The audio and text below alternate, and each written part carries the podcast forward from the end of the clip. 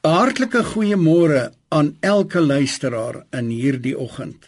Ek wil graag vandag met jou iets deel oor iemand wat baie min in die Bybel direk aangehaal word.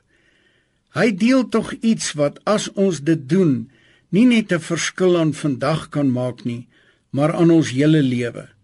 Sy naam is Barnabas en ons lees in Handelinge 4 vers 36 dat sy naam Josef was maar onder die apostels was sy bynaam Barnabas wat as dit vertaal word beteken seun van vertroosting 'n leviet van geboorte uit Siprus hierdie woord wat gebruik word vir vertroosting in die Grieks is 'n baie besondere woord en beteken behalwe om te vertroos ook om te bemoedig te stig of op te bou Ons lees in Handelinge 9 dat toe die disippels nie wou gehad het Paulus moet by hulle aansluit nie omdat hulle nie geglo dat hy 'n disipel was nie, was dit Barnabas wat hom as dit ware aan die hand geneem het en na die apostels gebring het.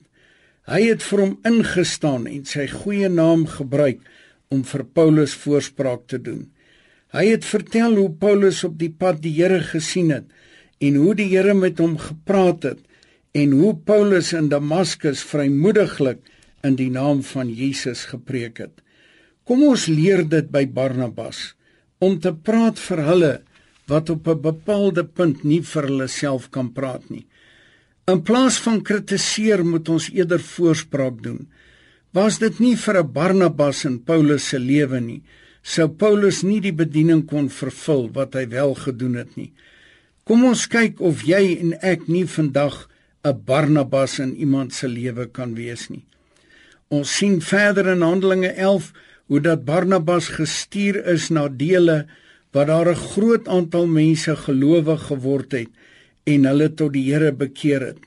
Luister wat sê vers 23 dat toe hy daar kom en die genade van God sien, was hy bly en het almal aangemoedig om met vaste voorneme van hart aan die Here getrou te bly.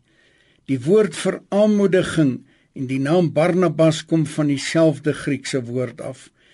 Ons leer in Handelinge 13:43 hoe dat Paulus en Barnabas gelowiges toegespreek het en hulle oortuig het om in die genade van God te bly.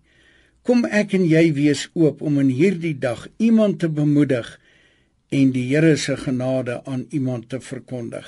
Kom ons bid saam. Here, ek vra dat U my in hierdie dag 'n Barnabas sal maak wat ander sal vertroos en bemoedig. Amen. 'n Baie geseënde dag vir U.